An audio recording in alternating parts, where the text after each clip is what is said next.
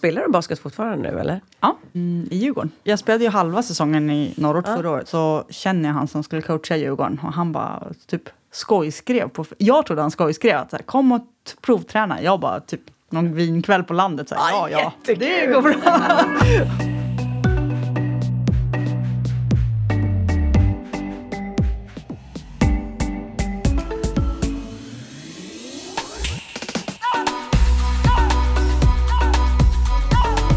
Klokskap och ledarskap. En podcast som ger plats till ledare som genuint, modigt och generöst får dela med sig av sina bästa råd till oss. Idag så ska vi prata om hur vi genom hela livet kan lära om ledarskap. Och eh, jag har med mig idag inköpschef för kolonialt och fryst på Minigo Food Service, Marie Malmqvist. Välkommen Marie! Tack! Vad kul att ha dig här i studion hos mig. Eh, jag eh, känner ju dig eh, sedan ganska många år tillbaka och eh, du är ju en person som egentligen från det när jag lärde känna dig var ganska ung till har varit intresserad av just ledarskap. Och, eh, och jag får säga laborerat lite med vad är det som funkar för att få det bästa ur personer.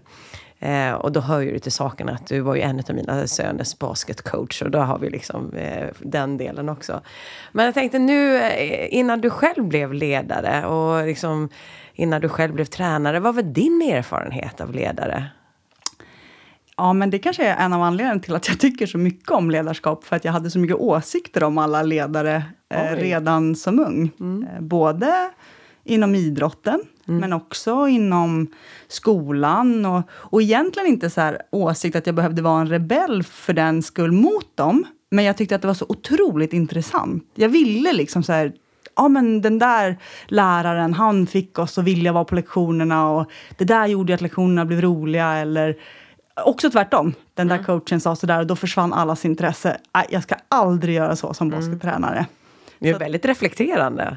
Ja. ja. Men, och där, jag tror att just det där stora intresset för vad ledarskap är och hur olika människor gör det på olika sätt. Det är ju just det som också gör att jag än idag kan komma ihåg nästan alla mina tränare, vad jag tyckte var bra och vad jag faktiskt mm. tog med mig och härmade och vad jag mm. förkastade. Mm. Är det någon, när du tittar tillbaka, har du något exempel där som du kan ta ut? Någon, någon lärdom som du känner att ja, men det här har jag med mig så gott som dagligen? Ja, men en sån grej som jag tog med mig väldigt, väldigt tidigt, det var, jag höll på med ridning också medan jag var liten. Och när man hade ridit klart sitt ridpass så tog man alltid, liksom medan hästarna skulle skritta av och lugna ner sig, eh, så fick man alltid med en av ridlärarna rida förbi läktaren och sen så sa hon så här, en kort kommentar att så här, men du gjorde det där riktigt bra. Eller, och vi var inte så gamla så det kan inte varit så här superdjupa kommentarer nej, egentligen. Nej. Och man stannade ju bara till en liten, liten stund och sen så gick man vidare. Så alla hann ju förbi där på de där fem minuterna. Mm. Um, men just den grejen att avsluta med en liten känsla av att jag fick någon form av feedback. Mm. Den tog jag med mig in i basketen och använde väldigt mycket där efter match och träning. Att liksom, det behövs inte vara något jättemycket, men att varje person har sett eller känner sig sedd för någonting mm. är så otroligt viktigt. Mm. Och även nu som ledare mm. idag, att mm, kunna ta med sig det. Vad, vad värdefullt det är att bara våga ge den där lilla enkla feedbacken. Mm. Men hur gör du då om vi går över till idag? För jag menar, du har ju också personer som jag kan tänka mig är ute och jobbar mycket. Du kanske inte träffar alla dina medarbetare dagligen. Så, så hur gör du för att säkerställa att du vet att du har sett dem? Ja, men mycket är ju att, att få dem att låta en komma in. Ah. För det tycker jag har varit det svåraste att jobba med lite mer seniora medarbetare. Eh, att få dem att, ja men lägg mig på CC. Skriv och berätta när du lyckades bra med en förhandling. Eller skriv och berätta vad du har fått igenom. Och när man får dem att börja med det, då är det så otroligt enkelt mm. att bara ge ett ja, men bra jobbat eller wow eller att liksom mejlledes. Eller alternativt att man ser och de råkar vara på plats så man kan till och med tjoa i landskapet. Liksom. Mm. Eh, mm. Men när du kommer in då som uh, ung, ny chef och du ska börja skapa förtroende, vad är det du märker fungerar?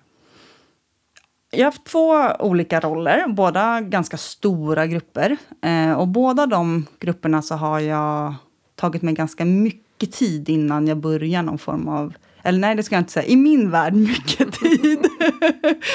Men att man verkligen har tiden att sätta sig ner med varje medarbetare och lyssna på vad de förväntar sig av mig som ledare. Mm. Eh, det märker jag är en ganska ovan fråga. Mm. Även när jag har medarbetare över 50 och man ställer frågan så här, men, ja, men vad har du för förväntningar på mig som ledare för att, för att du ska lyckas bra? Mm så märker man att det är inte en fråga de är så vana vid att få. Mm. Vad, vad, vad, kan det vara för typ av förväntningar som de har på det? Då? Ofta så kom, har jag fått höra att, eh, just att de vill bli sedda. Mm. Eh, att de tycker mm. om att få se ja, vad de har gjort. Och, eh, att ställa upp när man, när man stöter på problem. Eh, och då brukar jag säga, jag är inte så säker på att jag kommer lösa problemen bättre än vad ni gör, men jag kommer absolut ställa upp och lyssna och försöka. Mm. Eh, och kanske kunna komma med någon annan infallsvinkel liksom. Mm. Um, nej, och sen för vissa så är det ju rent, alltså att få berätta vem man är privat och mm. så att det kommer väldigt olika svar och mm. ja, men till viss del kan man ju anpassa sitt ledarskap efter så länge man får resultat. Um, medans vissa grejer i, kanske man inte har tid, man har inte tid att kanske vara psykolog till varje, varenda medarbetare. Nej. Men man har faktiskt tid att ta sig, ja men att lyssna på vad de har för behov. Mm. vad är den största utmaningen när man kommer in som ny i en organisation och liksom ska starta upp och börja skapa sig och få strategier och mål på plats? Just nu eh, är jag ju på en lite mindre organisation. Eh, en av mina liksom stora fördelar som jag hade när jag kom och klev upp i en chefsroll på ICA var att jag hade ett brett kontaktnät och hade mm. jobbat enormt mycket på att skapa ett brett kontaktnät och också jobbat som specialist på olika funktioner. Mm. Vilket gjorde att liksom ICA-förståelsen, som jag jobbade på förut då, eh, gav mig en stor fördel mm. i mitt ledarskap. Och sen då att komma helt ny, där egentligen mm. varje medarbetare kunde i princip, om de hade haft lust, säga du förstår inte riktigt den här Nej. verksamheten. Och man fick ofta höra den här branschen är ju lite annorlunda, du kommer förstå det så småningom. Ja, ja. ja. Har den varit annorlunda då? Vissa delar, eh, ja absolut. Mm. Eh, och de är jätteintressant att lära sig, men andra delar absolut inte. Eh. Vad är det för sånt som du ser inte är olika, utan sånt som man kan verkligen se är samma? Behovet av tydlighet i processer, mm. eh, behovet av KPI-uppföljning. Mm. Väldigt mycket, i och med att det är, samma, alltså det är fortfarande samma leverantörer som levererar till dagligvaruhandeln som mm. till foodservice, mm. eh, så är det ju väldigt mycket av det som kanske ICA gjorde väldigt bra som saknas, som vi mm. nu utvecklar rutiner mm. och delar på. Men en del av ditt jobb går ju också åt, så jag säger, just att strukturera upp och jag som pratar om affärsutvecklingen där. Mm. Eh, eh, och då, då, blir det ju automatiskt att det kommer in, in förändringar. Eh, mm. Påverkar man vill skruva lite och fixa. Hur gör du för att få människor att köpa in i förändringar? Eller tycker de allt du säger är bra? Nej, det har varit supernyttigt år för mig i ja. år, där vi har strukturerat om otroligt mycket. Mm.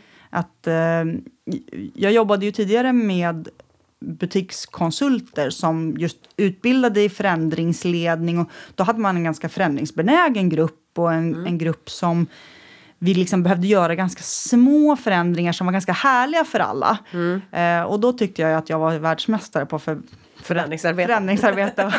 Vad skönt. eh, nej men för jag verkligen tog mig tid att förankra och grunda i ja. vad är det vi behöver göra. Mm. Men de förändringarna som vi behövt göra nu är mm. för det första ganska mycket som är lite läskigt för folk. Mm. Um, och då behöver man ju orka med att stötta varje individ. Mm. Uh, och att ibland känner jag att jag inte alls har tiden för det, som mm. man inte känner sig fantastisk. Um, men, men sen också den här grundstrukturen som gör att det hänger ihop. Och mm. För oss var det mycket att skapa en årsklocka. Vi gjorde liksom alla uppgifter hela tiden. Mm. Och då var det väldigt mycket att skapa en årsklocka. Att ja, men nu lägger vi fullt fokus här. Och sen när vi är klara med det, då får vi fira det. Mm. Och så kommer vi gå in i nästa fas. Och då kommer det vara en helt annan arbetsuppgift. Men alla kommer göra samma, vi kommer kunna hjälpa varandra framåt. Men innan man lyckas övertyga folk om det där så mm. är det ju lite jobbigt för man har ju inte fått uppleva känslan. Nej. Nu har vi fått liksom ha två sådana delsegrar som vi har fått closa och har ja. fått liksom fira av att vi gjorde det. Ja. Nu lyckades vi. Då får man ju alla med sig. Ja. Men att våga tro på sin linje och våga liksom orka mm. tjata vidare i både små och stora sammanhang tills man har nått de där delsegrarna. Ja, hur gör du då? För det finns ju också, eh, då kommer man in som ny och sen så man har etablerat, eller ett, satt ett sätt att jobba och så upptäcker man ju som mm. sagt att efter första gången så är det inte bara jubel och, och, och liksom, det blir ett motstånd även när man kommer in vid andra tillfället då. Eh, hur gör du för att inte tappa tron? För det är ju lätt att man känner, men gud det här kanske inte var så bra som jag trodde. Nej, jag är ju en person som tar ganska mycket plats mm. eh, och som både i det entusiasmerande mm. kan ju vara väldigt engagerande och mm. liksom folk köper in på det för att det känns ganska härligt när jag mm. målar ut saker mm. som att ja, men det här kommer bli roligt Du är duktig på att sälja in ja. Men kan också bli, i och med tålamodet då har prövats lite, mm. eh, så blir det också lite åt andra hållet. Jag får ju en ganska hård ton och lite, lite irriterad när jag mm. tycker att ja men skärp er, liksom. kan inte bara haka på och förändra er. Mm. Liksom. Och det är absolut inte mot mina medarbetare. Det är liksom lika mycket i ledningsgrupper mm. och tvärfunktionellt. Men du tvekar aldrig på att din linje är fel, utan det är mer att... Eh... det är andras fel. ja, det är ödmjukt. nej. Um, nej, men att huvuddragen i linjen är rätt hade jag förankrat väldigt väl med min chef. Eh, mm. Uh, och att ja, men, vi hade ju liksom bestämt att det är hit vi ska. Ah. Och sen har jag alltid en, en liksom förståelse för att det finns olika sätt att göra det på olika företag och det finns säkert flera sätt som kan leda till ett bra resultat. Mm. Mm. Men om jag då går tillbaka lite till den här idrottsvärlden, att mm. var det någonting man coachade hårt på ah. de åren jag framförallt coachade lite äldre eh, killar i basket, så var det ju liksom håll er till gameplan. Uh. För att det funkar inte att ha ett lag med 15 pers och alla gör olika i sin gameplan. Uh. Sen kan man vinna matcher med olika gameplans. Mm. Men har man en så måste man hålla sig till samma. Mm. Och den... Eh, mm, mm. Den tycker jag om att mm. tjata än idag. Ja, men det är bra. Det brukar fungera. Vad har du lärt dig om dig själv i den här processen? Ja, jag tror att jag är... Eh, nu är jag ju 31. Min mamma sa häromdagen, ja men visst är du du är ju bara 34. Nej, så jag fortfarande bara 31. eh, men jag tror att en av sakerna som har skett är nog att jag är lite mer ärlig mot mig själv. Jag tror mm. att jag putsade mycket mer på den där att försöka att inte bli för engagerad eller inte mm. bli för eh, jag fick en del sån feedback av olika chefer som nog menade väl. Att liksom, ja, men, ibland kan man vara lite mer nyanserad och mm. eh, det får jag fortfarande ibland feedback mm. på. Eh, men samtidigt som min nuvarande chef, som jag har väldigt stort förtroende för, säger att liksom, bygg på dina styrkor. Och mm. en av dem är ju det här mm. engagemanget. Att jag, liksom, jag vill ju inte ge mig förrän vi har nått det där nej, målet. Nej, nej. Um, och att då bygga lite mer på dem nu, det, det har jag lärt mig. Mm. Och då måste man också acceptera sig själv ja, lite, att det är okej. Okay. men sen tänker jag också vad schysst och skönt det är att ha en chef som säger just att stå på det, för då vet vi ju att då, då är du ju på rätt väg. Ja. Mm. Men jag, tänkte på, jag kommer ihåg ett tillfälle, om man går tillbaka till den här historiken som basketcoach. Jag kommer in på, precis innan match, eh, och då håller ju alla på och värmer upp. Eh, det var bara att vårat lag då, där min son spelade, de värmde inte upp. De satt i en trappa och blundade och någon låg till och med ner på golvet och blundade. och jag, först började jag tänka, men gud vad gör de? För alla andra var ju inne och liksom bollade och eh, försökte, liksom, ja, vet, kasta eh, bollen i korgen och så vidare. Och sen efteråt så frågade då min son, så, men vad gjorde ni för någonting? Nej, men vi låg ner och gjorde tio perfekta layup från höger och sen låg vi gjorde tio perfekta layup från vänster. Ja, det är, Maria har sagt att man ska göra så. och då tänkte jag, det är ju rätt coolt att få, när man är så liten, eh, på något vis en inblick in i det här med vad mental träning kan göra. Mm. Och jag tänkte, hur har det blivit nu då när du börjar arbeta, så att säga? Och liksom, jobbar du fortfarande med att skapa starka bilder eller ja, få upp den här affirmationen som finns? Jo, men jag tror framförallt så en av liksom fram framgångsfaktorerna i mitt ledarskap har varit att jag är ganska orädd att plocka, men som från ridningen till basketen eller från basketen till arbetslivet eller från olika Ja, men jag har ju varit specialist och verksamhetsutvecklare, plocka in det i liksom mitt ledarskap. Um, och, och där blir det ju lite den, ja, men att våga måla upp bilderna, att våga spänna bågen, att faktiskt våga ställa upp den där pokalen på hyllan innan man har vunnit den för att nå målen. Och mm. ett sånt exempel i år var att Vi har liksom aldrig förhandlat in såna, eller våra marknadspengar i tid. Mm. Däremot har vi alltid haft det som måltal. Så jag liksom trodde väl att det där, ja det brukar ske, men att förra året var ett katastrofår. Men sen visade det sig att det där har liksom aldrig skett i tid. Mm. Och då satte vi upp målsättningen att, eh, ja men först fick jag höra att ja, men i december går bra och jag tänkte december är för sent. Vi sätter upp liksom, ja men november då ska vi vara klara med, det är ganska många miljoner som vi förhandlar in i mm. marknadspengar. Eh, och det är ju också en grundförutsättning för att vår marknadsavdelning ska mm. kunna göra en bra plan. Mm. Så det var ju liksom väldigt många positiva effekter av det. Men jag tror alla nog när man satte igång med det kände lite att ja, vi har hört det här förr och, mm. och vi liksom, man brukar kunna ducka lite eller sådär. Mm. Eh, men sen körde vi verkligen det stenhårt. Vi följde upp det varenda veckomöte, vi liksom pushade varandra, vi gjorde topplistor och, mm. eh, och de var på plats. Så den 24 mm. nu i januari, då ska vi ut och fira det. Mm, kul. Mm. Så där ser man ju de här konkreta sakerna kan vi alltså flytta mellan olika områden när det gäller att få människor att prestera. Mm. Mm. Absolut, och, men just den, ja, det har jag faktiskt reflekterat en hel del över det här med idrottsvärlden. För mm. först när jag kom in i arbetslivet så tänkte jag så här, varför snackade alla om ja. det här med liksom idrottsvärlden till liksom arbetslivet är helt olika saker. Man sitter fast inte på några möten på idrottsvärlden. Det, är, nej, det här är något helt annat. Och sen ju längre jag gått har man ju liksom börjat inse att jo men ja, det är ju faktiskt ganska likt på vissa sätt. Så det finns ju massa saker som inte är likt. Vad är det du ser är likt då? Um, ja, det, en av delarna är ju den här med motivation. Jag fick otroligt stor respekt för det. För när, när du jobbar med ungdomar egentligen kan ju de sluta vilken dag som helst på sin idrott. Mm. Så du, ditt ansvar som ledare är ju inte jag, har, jag kommer signa din löneutbetalning den 25. Utan du har ju faktiskt, de har egentligen alltid möjligheten att säga jag slutar imorgon för du är så himla tråkig. Mm. Så att den ledarskapsskolan på så sätt är ju ja. ganska liksom fostrande ja. mot att komma in som sitt första ledarskapsuppdrag där man då säger att så här, de här har ju faktiskt plikt att göra alla de här sakerna och det är chefens ansvar att mm. delegera uppgifter och allt som mm. står i de här papperna man signar om ansvar. Mm. så att eh, motivation är absolut en av de delarna som jag tar med mig. För att även om om man inte behöver det på samma sätt när man mm. har medarbetare som jag liksom har betalt. Mm. Så dels så är min erfarenhet i alla fall att man ser ganska fort på omsättningen på personal när det är en dålig chef. Mm. Eh, så du sätter dig själv i en ganska tuff sits mm. om du inte har motiverad personal. Mm. Och du skapar ju inte några resultat. Mm. Alltså, du skapar ju minsta möjliga resultat om du har omotiverade medarbetare. Men vad ser du funkar då för att motivera? För du har ju också hamnat i det här att man ser att människor inte har den här glöden som de brukar ha. Vad gör du för att få dem att motiveras igen då?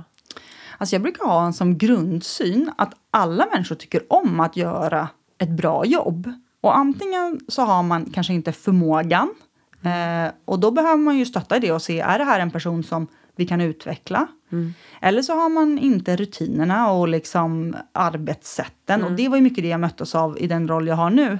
Att komma in och så fanns det, det är jätteduktiga medarbetare som faktiskt kanske inte hade arbetssätt. Och jag själv satte mig och var eh, TF på en av rollerna för att lära mig vad de gör egentligen. Mm. Och insåg att liksom, amen, det här finns ju inte ett arbetssätt. Det här är jättekrångligt men mm. det går att göra enkelt om vi hittar en systematik mm. och liksom rutiner i det. Mm. Eh, så att arbetssättet och förmågan och sen den sista är ju om det är någonting där liksom skon klämmer någonstans. Mm. Man trivs inte, man tycker inte om mm. sina kollegor eller den man har som chef eller mm. någonting runt omkring. Och, och jag tror att innan du kan hjälpa en medarbetare att hitta sin motivation mm. så behöver du liksom definiera det där tillsammans. Mm. Är det någonting i arbetssätten som vi behöver förbättra som alla skulle gynnas av? Eller är det någonting i din förmåga som du vill utveckla? Eller Annars är det kanske fel roll för dig.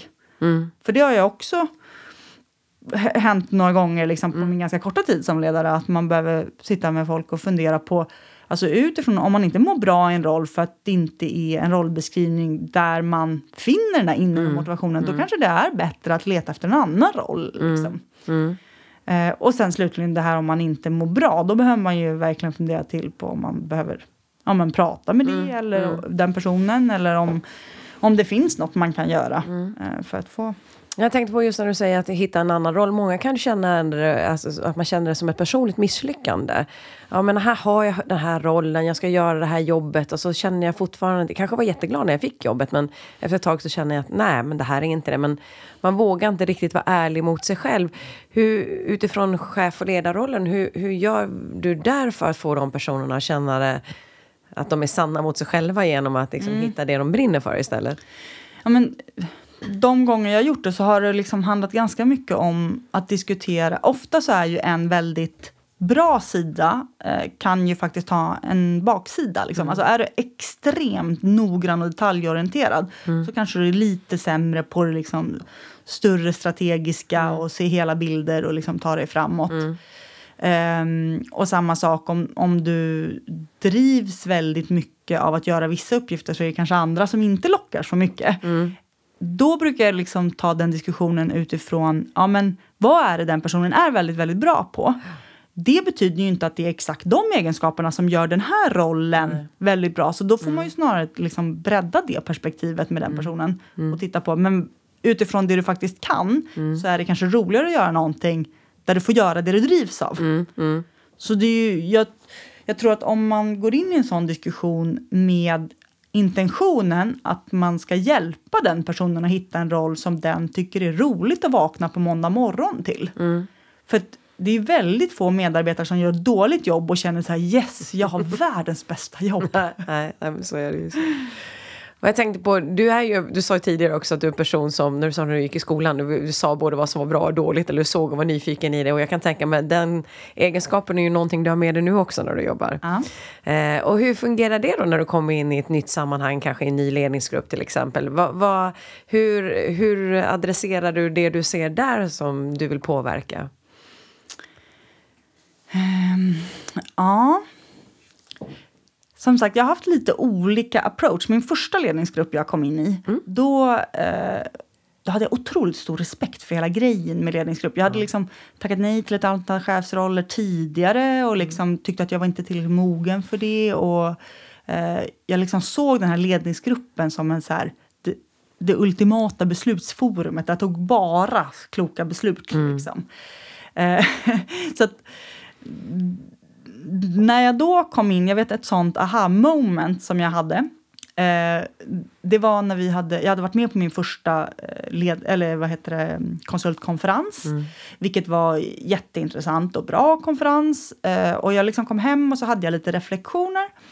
Och så var en av de här reflektionerna, det var eh, att jag eller under all den här tiden som det fanns folk på scen så var det bara killar som pratade. Eh, och det var duktiga föreläsare. Så det, det, var liksom ingenting man tänkte på där, att det var en machojargong. Eller mm, mm. Nej, nej, det, men det, det, var jättebra föreläsare. Men det var ju verkligen bara killar. Eh, och sen så, min närmsta kollega Anna, hon, hon hade ändå lite, lite sändningstid på scen för att hon var uppe och fördelade ut rum till, eh, vad heter det, uh, när vi skulle göra grupparbete. Då var Anna uppe och berättade vilka som skulle vara i vilket rum. Um, och sen så på kvällen då så hade vi eh, vad heter det, middag och det var jättetrevligt. En liten passus, vi kommer tillbaka till ämnet, mm. eh, hur, alla killarna som pratar. Då hade ingen berättat för mig heller att på de här middagarna på konferensen mm. så klädde folk upp sig något enormt. Oj! Ja. Mm. Så jag som alltid jobbar i klänning nästan, jag hade ju klänning på dagen. Mm. Och sen tänkte jag att så här, middag då är det lite så här mysigt, cozy. Så jag satte på mig typ ett par jeans eh, och en lite mysig kofta. Och så kom jag dit och inser att alla andra har liksom balklänningar. Nej. Superstylade, bara hur snygga som helst och frisyrer. Och jag bara, mm, ni kunde inte ha sagt det här kanske? Nej, oh, gud. Det var jätteroligt. Men Ja, och sen så på kvällen då så var det några, en konsultgruppering som var på mycket med ett dataprogram ja. som eh, de var väldigt roliga. Alltså de hade liksom också den här toastmasteriet mm. och spexade. Mm. Och, mm. Och så egentligen kom den här reflektionen när vi då skulle planera nästa konferens eller summera mm. inför nästa. Mm. Då sa var det liksom så här självklart, men det är klart vi ska köra Karlkillarna som toastmasters. Och, um, och då ville jag liksom, eller min spontana tanke var så här, det här är ju superkonstigt. Det var ju sändningstid liksom 95% killar, 5 uh. tjejer. Fastän de 100 personer vi hade på konferensen var ju 50-50. Uh. och i ledningsgruppen var vi 50-50. Ehm, och då tänkte jag liksom, nej men det här, det här har de ju säkert tänkt på. Det här vågar inte jag ta upp. Liksom. Det känns ju jättepinsamt att liksom.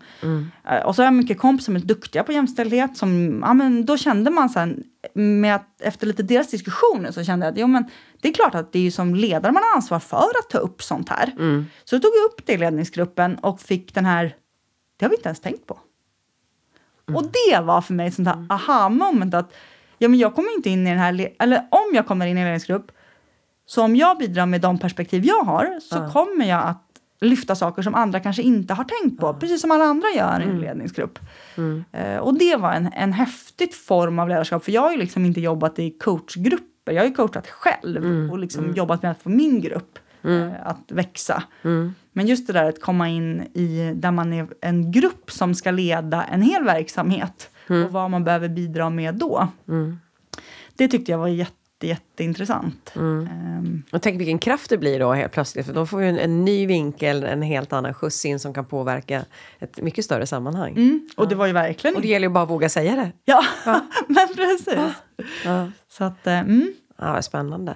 Men jag tänkte på, eh, du är ju en person som är effektiv och du är organiserad och du får mycket saker och ting gjort. Och ibland kan man ju undra om du har fler timmar än 24 timmar på ditt dygn. Eh, men hur gör du också då för att få andra personer att liksom se vad de ska göra och organisera sig? För att en del i ditt jobb är ju att få andra att göra resultat och leda, leda genom andra så att säga. Så, så vad har du upptäckt där för bra verktyg? Mycket har ju varit att måla upp den långsiktiga bilden. Att, eh, ja, men just den här årsklockan jag pratade om, att liksom när man ett år tidigare pratar om att nu ska vi göra marknadsprisförhandlingarna, så just där och då så kanske det inte så här, åh, ser alla steg som kommer hända när man sitter som medarbetare. Men när man ska sätta igång med alla de där stegen sen så känner man att jo, men det här har vi ju faktiskt lite planerat. Eh, vi har haft väldigt involverande affärsplanering också med, ja, men, där man också alla har olika uppgifter att vara med i. Ehm, men, men sen tror jag det handlar väldigt mycket om att, ja, men det här jag sa, att grundtron är att folk vill göra ett bra jobb. Om man ser till att det verksamhetsutvecklingen man gör liksom faktiskt hänger ihop och att det är processer som gör det lätt att göra rätt och svårt att göra fel. Så får man medarbetarna att testa. Sen kommer det alltid, med stora grupper kommer det alltid vara några som inte testar och så behöver man följa upp det lite. Och det, det får man också ha respekt för att för vissa är det jobbigt att komma till jobbet och göra någonting annorlunda än vad de gjorde igår. Och då behöver man ju liksom, min erfarenhet faktiskt, att de som har svårast att byta arbetsuppgifter, det är ju också de som följer arbetsuppgifterna bäst sen när de väl är på plats. För de vill ju göra så som det är sagt att man ska göra. Precis. så att man ska inte, man ska inte underskatta Nej, de där inte. som hoppar på sist. Nej, för de brukar oftast vara väldigt solida i sitt sätt att jobba. Men, men jag tänkte på, hur jobbar du då? Får de själva skapa, bryta ner de här sätten till sina egna målsättningar eller är det någonting som ni gör tillsammans? Ehm, de ekonomiska målsättningarna får man ju oftast lite uppifrån. De kom uppifrån? Ja. Ja. Eh, så att, eh, där har vi jobbat lite olika faktiskt. Med, eller så här, att man har ju oftast ett mål och det kommer man ju aldrig från vilket företag man än är på om man, om man inte jobbar väldigt eh, eh, utan måltal. Så det är ju snarare att faktiskt måla upp hit ska vi. På vilket sätt ska vi ta oss dit? Eh, och sen så hjälpas åt med varandra. Att, eh, ja men, jag har försökt nu, för jag har en ganska stor grupp med ganska många olika slags eh, egenskaper och kompetenser. Att bygga mycket på kanske två eller tre personer som är bra på just det. Det betyder ju inte att alla tio i min grupp, eller tolv är de nu, behöver vara med och verksamhetsutveckla varje Nej, process. precis. Men alla är med på något ställe. Ja, som påverkar dem då naturligtvis. Ja, och som de är duktiga på. Vissa är starkare inom inköp, vissa är starkare inom kategori, vissa är väldigt för digitala frågor, vissa är jätteduktiga på marknadsfrågorna. Ehm, och det kräver ju en viss tillit i gruppen, att man faktiskt låter andra utveckla arbetssätt också. Ja, för man vill ju kanske inte att någon annan ska bestämma vad jag ska göra. Så. Nej. Nej. Precis, och där behöver man ju också hjälpa till som chef. Att ska man sätta, för, ska man sätta på andra i gruppen att utveckla arbetssätt, då måste man också vara beredd att backa de arbetssätten. För det är ganska tråkigt som medarbetare att komma med förbättringsförslag eller sätta strukturer och så var det ingen som ville haka på. Nej. För det är ju antagligen så att man, ja, men man kanske inte har chefsambitioner och man har inte mandatet på pappret. Och för vissa är ju det där mandatet på pappret jätteviktigt. Och jag tänkte på, hur, kan du an, använda själv ditt coachande sätt då när du jobbar? Eller hur, hur hur gör du då för att liksom få de här personerna ändå att mappa in i det som ska till? Ja, men ib- ibland får man ju coacha. Eh, oftast har jag märkt så just när det handlar om verksamhetsutveckling så blir folk väldigt glada att få frågan att man är en av de personerna som, som man tror skulle vara duktiga på det. Eh, så att ställer man frågan så får man ju ofta hjälp. Jag hade faktiskt ett sånt exempel idag när eh, vi har något som heter kategoriteam där man arbetar i eh, team för att utveckla sin kategori eh, från olika avdelningar. Ehm, men det är mina medarbetare som äger forumet. Och eh, vi har haft lite olika nivå på dem och vissa har svårt att komma igång. Och, ja, men, det har varit blandat liksom. Så då gjorde vi en utvärderingsenkät med alla som är de, delaktiga. Och så frågade jag de andra avdelningarna som är, liksom, har representanter in i de här mötena. Vilka av mina medarbetare gör det här absolut bäst? Eh, och så nominerade de två stycken som de tycker gör det här väldigt, väldigt bra. Så den, det var ett väldigt härligt avstämningsmöte jag fick ha idag. Eh, där jag fick berätta för dem att de var de som gjorde det allra bäst. Eh, och sen kommer de dela med övriga gruppen best practice. Vad de Ah, vad bra.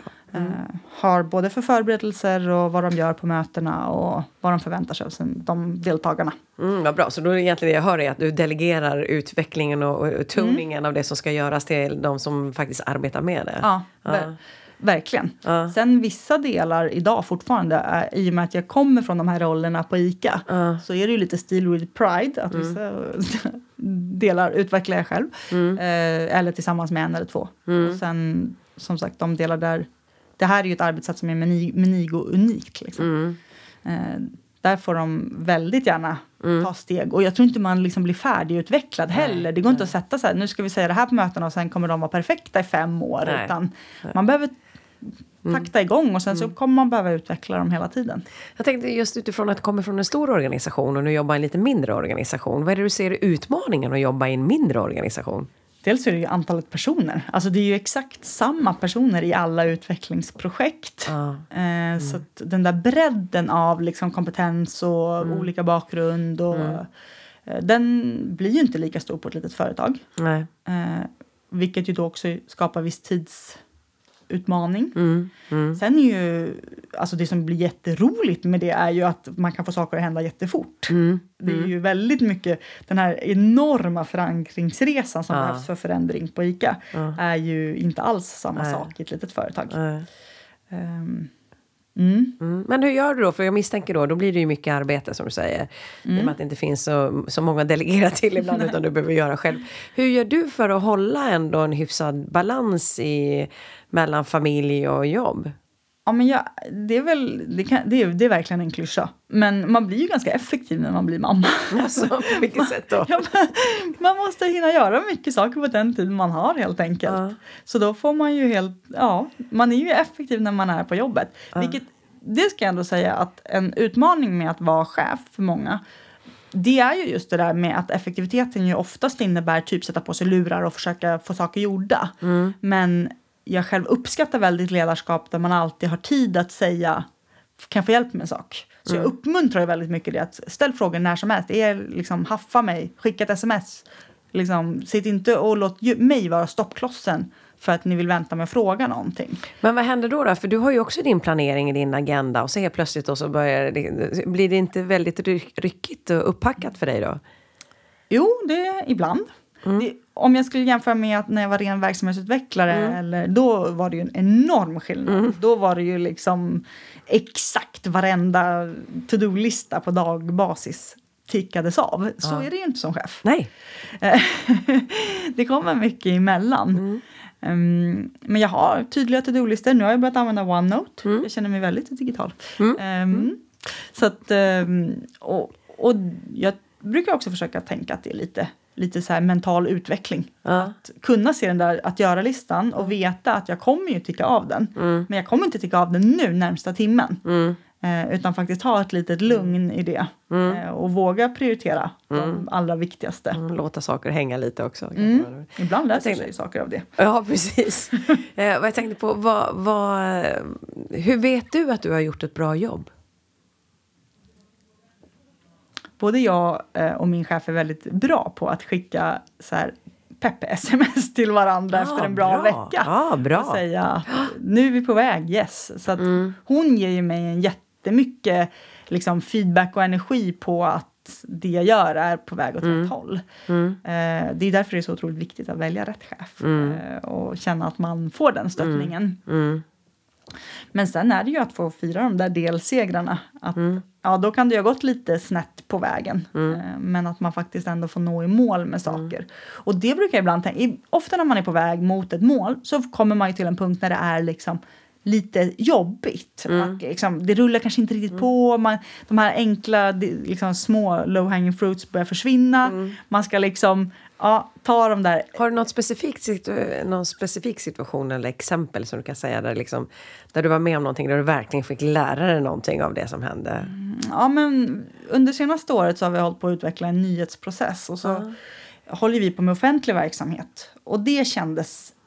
Jag, liksom, jag förstod inte vad det var de ville ha. Eller, så som jag såg att man reviderade in nyheter, det passade liksom inte in i det behovet som de hade. Så det var ju liksom hos mig, jag såg inte bilden framför mig. Nej. Så det där, alltså då satt jag i flera möten och liksom, så här, jag hör vad ni säger men jag ser inte hur det här ska funka. Vi, kan bara, vi får nog fortsätta göra som vi gör. alltså, Helt plötsligt så vill inte du ändra och, och då kände jag att liksom, istället för att bara säga så här, det här går inte eller att släppa det helt så, så fick det liksom, okej vi, vi kommer behöva låta det gro men vi kommer att titta på det. Och sen när det här hade fått sjunka in liksom ett antal månader och man hade fått en större helhetsbild av vad företaget gör och så vidare. Så plötsligt en dag när vi flyttade en medarbetare till att ta ett större ansvar för den här processen så bara föll det ner på lätten att så här, Ja, men vi skulle kunna göra så här. Om, vi bara, om hon i kanalen däremellan och stämmer av det hela så, och hon också ordnar det här lilla numret som behövs för att det ska bli rätt i offentlig upphandling i slutändan. Då kommer det här funka liksom. Ehm, och att få vara med om sådana där, att känna Ja. så här nu, nu kommer det ju att bli he- en helhet. Ja. Det är ju oerhört eh, tillfredsställande. Och det är ju häftigt att det är bland de här detaljerna som behöver vara på plats för att man ska kunna se helheten. Ja. Ja, jättekul. Men jag tänkte på, eh, du, du, jag hör att du har en bra chef. Mm. Eh, och du sa också det här med att välja, det gäller att välja rätt chef. Eh, hur, om du skulle ge råd till ungdomar som är på gång ut. Och, för en av de sakerna som jag upplever för många ungdomar det är att de upplever att ja, jag måste ha första jobbet, det måste vara rätt jobb och det är så viktigt att det blir rätt från början. Vad skulle det, vad, utifrån din erfarenhet, vad, vad, vad, vad tycker du är viktigt att tänka på när man ska ut och börja jobba? Jag gjorde ju så. Nu ska jag inte säga att det är rätt. Det finns ju Mm, finns väldigt många många, rätt. ja. För det första så tror jag inte att det är första jobbet som är så avgörande. Eh, men jag tänkte väldigt mycket att det var liksom vilken bransch jag vill vara i som spelade Mm. roll. Att liksom, Jag kom ju från en skola där man ganska många väljer konsultbranschen. Jag var ganska övertygad om att jag inte ville vara i konsultbranschen. Jag trodde inte det passade mig att liksom komma in en liten stund och sen bara försvinna. Liksom. Ehm, så jag la mycket tid och då var det just ledarskapsintresset som eh, många sa att inom livsmedel så har man möjlighet att liksom, utvecklas till ledare ganska snabbt. Så att, egentligen kan man säga att jag hoppade på branschen och då bodde jag i Solna och var intresserad av mat så ICA var ett ganska självklart Ja. val. Och då sökte jag liksom bara vilken roll som helst. Ja. Så jag tog ju en typ admin-roll och köpte in liksom operativt inköp. Eh, och tyckte, jag blev så himla biten. Jag tyckte det var jätteroligt. Och liksom, Vad var det som var kul då? Ja, men, det var samma sak där, man fick utveckla saker. Man, man var ju väldigt så här... Det man gjorde var ju att, att liksom beställa varor och sen eh, lösa alla problem som uppstod när varorna inte kom. Okej. Mm. Så det var ju väldigt så hands-on. Man fick göra mycket saker och det hände och man fick se resultat och Mm. man följde exakta siffror på vilken servicegrad man hade. Och det passade mig perfekt. Liksom. precis. Men där kunde jag accelerera till chef direkt. Men Mm. då hade jag liksom kommit in i arbetslivet och kommit på vad mycket jag hade kvar att lära mig. Mm. Så sen mm. blev jag ju specialist under sex år till mm. innan jag klev på ett, en chefsroll. Mm. Eh, och tackade som sagt nej till fler chefsroller på mm. vägen. För jag kände att när jag väl klev på en ledarskapsroll då kommer jag inte vilja gå tillbaks till att vara specialist. Nej. Men jag tycker att det är så himla roligt att få vara specialist. Och just den där, som specialist kan man ju få saker att hända lite fortare och man kan ju liksom äga sina frågor mycket, mycket mer. Som chef ska du ju agera genom andra. Mm. Så du får ju en längre sträcka till mm. resultaten. Liksom. Mm. Så att, eh, jag är jätte, jätteglad för de åren idag. Mm, mm, jag kan förstå det. Och jag tänker det hörs ju på dig att du brinner för det du gör och du har mycket engagemang. Och vad gör du och vad säger du till dig själv när du känner att... För har man mycket engagemang så är det lätt att det går åt andra hållet också. Uh -huh. så, när du känner att du tappar energi, när du känner att det blir... Ja, oh, du vet de där dagarna man suckar lite så här. Vad, vad, vad, gör du då för att få upp energin igen? Mm. Förr så skulle jag säga att jag bara säkrade att hela att göra-listan var klar. Ja. Nu är jag nog lite schysstare mot mig själv. Är det en riktigt tuff dag då kan jag liksom ja, men be någon att ta en kaffe med mig och ta det lite lugnare. Mm. Liksom. Mm. Uh, sen om man är den som tycker om att få saker gjort mm. så det där med att göra ett par enkla grejer på att göra listan så den känns lite kortare och mm. i förra fredagen så städade jag skrivbordet för det får man också en lite bättre känsla av. okay. bara att det är inte kaos liksom. Um, men nej, jag tror att uh, nu låter jag jättegammal. Men mm. att jag blivit lite snällare mot mig ja. själv.